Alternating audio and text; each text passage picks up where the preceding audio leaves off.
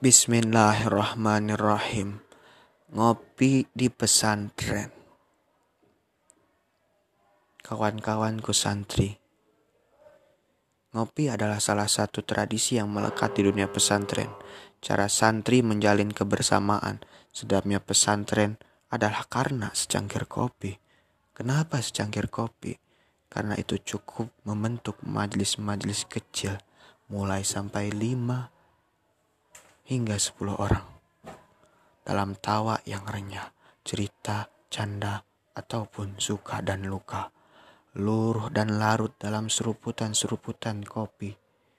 Dengan secangkir kopi bisa mengobati lara, sedih, jenuh, dan beban-beban kehidupan.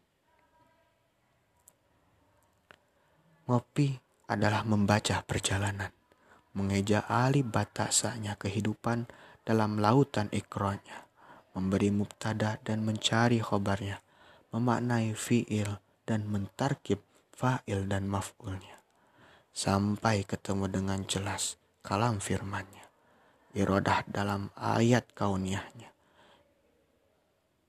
Pada tegukan pertama kopi, mata yang kantuk menjadi terbuka. Tegukan kedua, selimut malam menghampar jadi kanvas.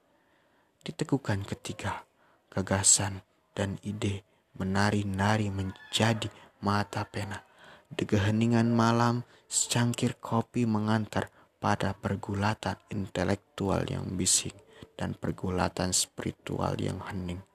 Dengan secangkir kopi, santri menggambar sketsa eroda, memberi warna kalam kaunia.